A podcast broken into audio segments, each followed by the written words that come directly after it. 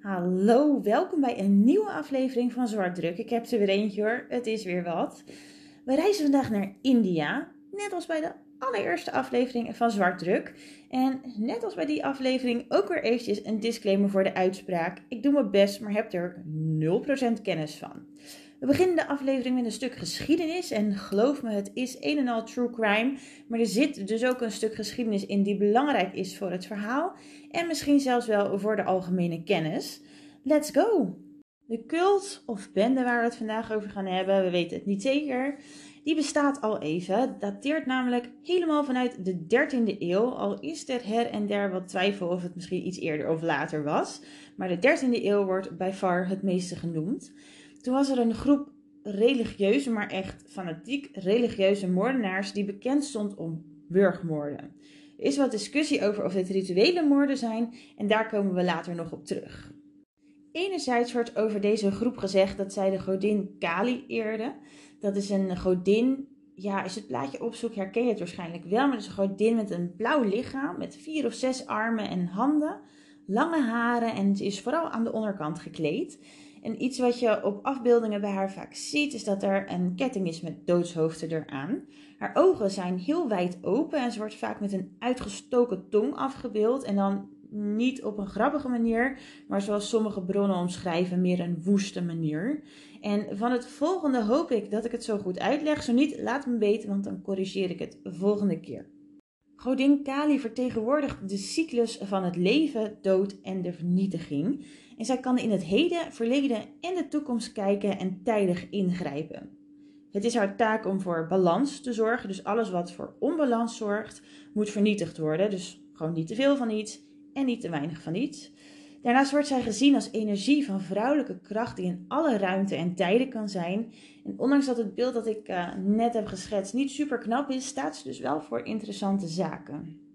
Er zijn speciale gebeden die aan Kali worden gericht en er zijn ook rituelen vanuit het Hindoeïsme die je kunt uitvoeren als je bijvoorbeeld uh, in een vervelende situatie zit die jou ergens in tegenhoudt in het leven. Nou, dan kan je aan haar vragen om die voorbij te laten gaan en zij kan het kwade omzetten in iets goeds.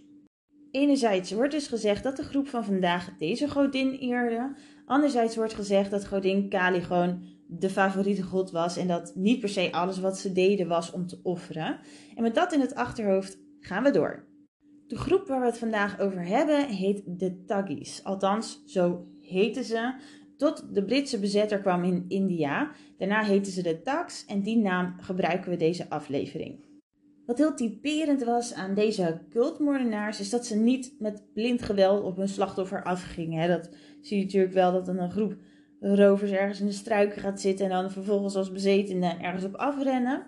Deze groep niet. Die hadden juist een hele slimme tactiek. Ze hadden een heuse rolverdeling zelfs. Dus ze zorgden dat ze overkwamen als reizigers en papten dan aan met andere reizigers met lieve woorden zou je bijna zeggen. Nou, was er iemand die op de uitkijk stond en iemand die uiteindelijk de moord pleegde. En door de jaren heen ging het van bende naar cult, naar religieuze cult. De ene periode zaten er mensen in voor verschillende religies. Andere keren was het niet gemixt en dan was het juist weer veel meer op één religie gericht. Wat door de jaren heen is ontwikkeld, door al deze periodes heen, is dat zij echt eigen tekens hadden en eigen woorden om elkaar te herkennen. En dat was nodig, want net als bij bijvoorbeeld de bende van Os, waren deze tags niet per se één groot geheim netwerk, maar verschillende clubjes die elkaar dus op deze manier wel onderling konden herkennen. Goed, dus zij gaven zich als reizigers uit en gingen dan langs van die karrepaden staan, die toen gewoon echt wel bekende en gevaarlijke wegen waren, want je wist immers nooit wie er uit de bosjes zou springen. En als ze dan een groep reizigers troffen, dan zeiden ze, joh, een gevaarlijke buurt. Heb je niet gehoord wat er van de week nou weer gebeurd is? Misschien kunnen we beter als één grote groep op pad. Nou, als dan een andere groep akkoord ging, dan reisden ze samen, dan voegden die groepen zich uh, samen. En dat was niet een project van een dag, hè? Nee, soms reisden ze wel een maand mee om echt vertrouwen te winnen en aan het kampvuur te proosten met iets wat ze toen dronken. En als iedereen dan uiteindelijk met een veilig gevoel ging slapen, dan sloegen ze toe. Er werd dan in teams van minimaal twee gewerkt. Dus je had eigenlijk altijd met z'n tweeën een taak. En er kwam weinig bloed bij kijken. En er waren een paar hele belangrijke regels. Zo kon je echt niet iets van iemand pikken als je die niet ritueel had gedood, dus volgens de regels van de groep. Er was een bepaald soort, ja, soort van ongeveer priester en daar kwam je echt niet aan, want die waren zuiver. Als je een ziek persoon doodde, dan had je niet een offer dat volwaardig was, dus die kon je ook beter laten gaan. En aan vrouwen kon je sowieso niet zitten, want die hebben natuurlijk die link met de godin Kali. En die werden dan soms ook gezien als reïncarnaties ervan. Ook hier weer de notitie. Er zijn door de jaren heen groepen geweest waarbij deze regels niet golden. Uh, net zoals alles evolueert zo'n groep natuurlijk ook. Maar dit zijn de bekende regels. Je kwam ook niet zomaar in aanmerking voor die groep hoor. Je moest natuurlijk wel het een en ander kunnen en leren. Als vrouw kwam je er sowieso niet echt in. Als man kon dat wel, bijvoorbeeld uh, via vader op zoon. Soms werden ze gerecruiteerd bij andere misdaadgroepen vandaan. En dan moesten ze een soort van stage lopen. En dat gold ook voor sommige kinderen van slachtoffers. En toen werd India rond de jaren 1830 bezet door wat ze toen noemden Britse heersers. En toen kwam er een regel dat als je bewezen kon worden dat je bij die club zat, en dan maakt het niet uit of je je streek in het binnen- of het buitenland uithaalde, maar dan kreeg je gewoon een gevangenisstraf voor je hele leven eh, met heel veel werk, heel veel hard werk. Dus die waren er wat strenger, uh, zaten die er bovenop. En vanaf hier gebeurde het ook dat opgepakte taaks tegen anderen werden opgezet en in ruil voor minder vervelend werk elkaar konden aangeven. En dat was ook nog wel een heel ding hoor, want tijdens die Britse overheersing kwam er dus ook wetgeving, zogeheten koloniale wetgeving. En die wetgeving bij elkaar heet de Criminal Tribes Act.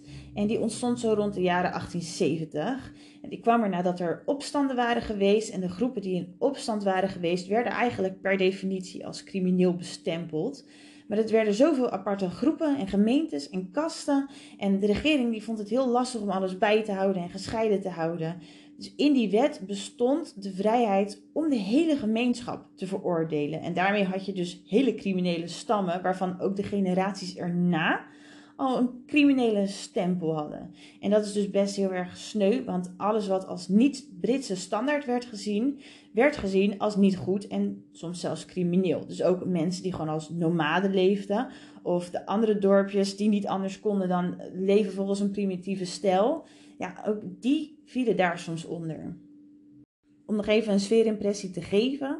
In die wet, of in ieder geval de regelgeving daarbij, stonden termen als erfelijke misdadiger. Dus als iemand in jouw familie of jouw omgeving iets had gedaan, dan werd jij daar eigenlijk ook op aangekeken.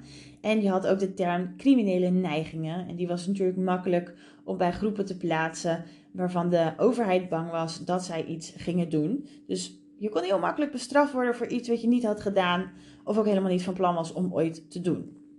En dan heb je natuurlijk nog de kindjes, die werden met enige regelmaat naar zogenaamde kampen gestuurd, om dat niet meer onder invloed van hun ouders te staan. Nou, er kwamen nederzettingen waar zogenaamde groepen met criminele neigingen zwaar arbeid moesten verrichten. Ja, en op die manier werden ook gewoon hele dorpen uit hun omgeving weggehaald. Ja, en stel nou hè, dat jij de pech had dat net één iemand uit jouw groep, en met groep bedoel ik dorp, kasten, gemeente, dat het één iemand uit jouw club een appel had gepikt of in een gebied kwam wat hem verboden was, of erger. Als dat net iemand uit jouw club was, waar jij ook bij hoorde, dan moest iedereen in die groep zich registreren. Vaak moesten mannen zich ook wekelijks melden, heel zwaar werk verrichten. En ja, afhankelijk van wat er gebeurd was, werd de straf ook erger. En de doodstraf werd in die tijd ook niet echt geschuwd. En als jij als vermeende dader, als je al een proces had gehad, ja, als jij werd bestraft, dan gebeurde dat samen met je familie. Ook als het om de doodstraf ging. Maar ik ben nog niet klaar hoor. Als je je niet klassificeerde als man of vrouw, of als je graag kleding droeg van het andere geslacht, dan was je gedrag verdacht, omdat het natuurlijk niet onder die Britse normen, waarden en eigenschappen viel. En dan werd je een eunuch genoemd. En dat was een groep die ook extra in de gaten werd gehouden, zodat ze geen kinderen konden ontvoeren of aan sodomie konden doen dat was natuurlijk echt gebaseerd op saus, hè? Ja, goed, werd je dus betrapt op het dragen van tussen haakjes verkeerde kleding of openbaar dansen zelfs, dan werd je gearresteerd of kon je een boete betalen. Had jij kinderen en stond je geregistreerd als eunuch, dan was de kans heel groot dat je kinderen ook bij je weg werden gehaald. Nou, dat klinkt als een en al ellende, en dat klopt ook wel. Maar aan het begin van de 20e eeuw kregen een paar ambtenaren toch een beetje last van hun geweten, want toen kwam er een nieuwe regel. En die regel was, let op, Mensen konden niet meer voor onbepaalde tijd opgesloten worden bij alleen verdenking van geërfd slecht karakter. Ja, dat is toch wel heel erg, hè, dit. Kom.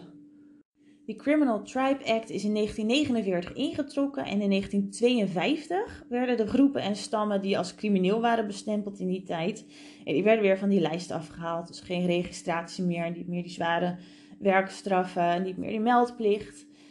Maar ja, toen hadden er natuurlijk wel echt wel heel veel mensen last van gehad, om het zacht uit te drukken.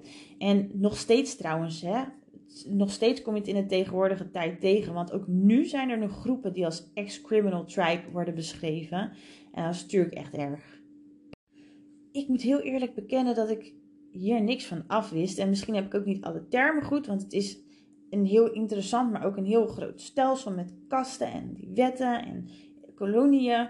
Maar het verbaast me wel echt dat dit niet een groter onderdeel van bijvoorbeeld geschiedenislessen is. Maar jij hebt deze mini-les in ieder geval in de pocket. Nu weet je ook een beetje meer over de tax. En ik ga je een zaak vertellen die denk ik wel veruit de bekendste is van de hele club.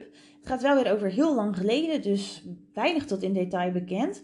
Maar we weten in ieder geval de strekking en we kennen nu een beetje de geschiedenis. Bogram Jamedar is rond 1765 geboren. Hij groeit op als een verlegen jongetje, was waarschijnlijk ook best wel beïnvloedbaar. En op zijn tiende kwam hij een tak tegen, die wat ouder was dan hij. En die recruteerde hem een soort. Hè. Hij mocht stage lopen onder de hoede van deze tak. En die leidde hem op. Het is dus ook rond zijn tiende levensjaar dat hij al echt begon met stelen en moorden. De club van Tax waar hij bij kwam, dat was een groep van ongeveer 200 man en die waren gevestigd in de plaats Oud. En dat was dus nog voordat de Britten kwamen. Nou, de aantallen van de zaken waar hij bij betrokken geweest zou zijn, die verschillen nogal. De legende gaat dat het er meer dan 900 zouden zijn. Zelf heeft hij gezegd ongeveer 125 moorden zelf gepleegd te hebben en erbij nog eens 150 aanwezig te zijn geweest. Vandaag de dag noemen wij dat medeplichtig. Hij staat trouwens wel met die 931 in het Guinness Book of Records en hij wordt ook wel eens de koning van de tax genoemd. Als deze jonge tak ging moorden, dan gebruikte hij eigenlijk altijd een gele rumal. En een rumal is een soort van zakdoek. En de mannen die destijds geen tulband droegen, die moesten die rumal dragen voordat ze een kort wara ingingen. En dat is de naam van een plek om samen te komen en te bidden voor bepaalde richtingen. En soms ook bij andere activiteiten. Nou, en die rumal kon hij dus zo vouwen dat hij er heel makkelijk iemand mee kon wurgen. En op den duur had hij er ook een medaillon in genaaid. En kon hij, en klinkt walgelijk, nou, hij kon daarmee dus zo goed richten dat hij een soort van die medaillon in één keer in de buurt van de Adamsappel kon krijgen. Waardoor de keel van mensen tijdens het wurgen nog eens extra onder druk kwam te staan. En het moorden dus makkelijker ging om het eventjes ja, heel zwart uit te drukken. Je kunt je wel voorstellen met deze aantallen eh, dat deze meneer ook snel naam maakte in de omgeving. En het was ook echt een heel serieus probleem, hè, al die moorden. Stel je voor, deze groep alleen al was van 200 mensen. En als die zich opsplitste in, laten we zeggen, groepjes van 5 of 10, ja, dan kun je een hoop wegen mee terroriseren. Je kon geen pelgrim langs de weg meer vertrouwen als man. Het was gewoon niet veilig. Ja, en toen uh, kwamen die Britten dus aan. En die vonden die moorden ook een probleem, dus zij lieten vijf onderzoeksteams overkomen om eens naar deze secte en zijn leider te zoeken. Nou ja, deze groepen die lieten zich natuurlijk niet zomaar vangen en de leider zeker niet. Sterker nog, een groot deel van de mensen die zich bemoeiden met het onderzoek, die werden gewoon door Bogram en zijn secte vermoord. Ja, en toen kwam William Sleeman en die had alle informatie van alle voorgaande onderzoeken gekregen en hij kreeg de opdracht: los het nou eens op. En deze William deed zijn stinkende best. En in 1832 werd een van de bondgenoten van Bugram gevangen genomen, Sayed Amir Ali. En Sayed mocht kiezen of hij en zijn hele familie werden geëxecuteerd, of hij moest Bugram eraan lappen. Deze bondgenoten, Sayed Amir Ali, ja, die koos toch wel voor het laatste. En duurde echt nog wel eventjes tot Bugram echt gearresteerd werd. Dat gebeurde pas in 1838. En in 1840, ja, daar hebben we hem toch weer, werden Boegram en zijn gezin geëxecuteerd door ophanging. Hij was ongeveer 75 jaar en ook een van de beruchtste seriemoordenaars van de 18e eeuw. De andere mensen uit die groep van Boegram, nou, die werden niet allemaal geëxecuteerd. Die werden naar een soort van heropvoedingskamp gestuurd. En de bevolking die was zo blij met de oplossingen dat deze grote groep van de straat was, dat er nu een stad is die vernoemd is naar William Sliman, namelijk Slinamabad. Er is een film gemaakt over deze hele situatie en die heet The Talks of Hindustan. Die is ook echt specifiek gemaakt over Boegram en zijn club. En uh, het woord tak, ja, dat kennen we vandaag de dag nog steeds natuurlijk. Was een beetje anders dan anders, maar dit was hem voor vandaag. En uh, ja, dit soort dingen, als ik dat lees, en ga ik toch ook twijfelen. Heb ik nou onder een steen gelegen dat ik niet wist? Of is het gewoon echt stukje geschiedenis wat niet bekend is in dit deel van de wereld, dan wil ik dat toch graag delen. Dus hopelijk vond je het interessant. Heb je nou zelf nog een suggestie of een opmerking of een tip en je ziet maar aan de aflevering vandaag, dat mag best een beetje out of the box zijn. Daar is gewoon ruimte voor in deze podcast. Nou, heb je er nou zo een? Laat het me weten via het mailadres in de show notes. Dankjewel voor het luisteren voor nu. Geniet van je dag en tot snel hè. Doeg!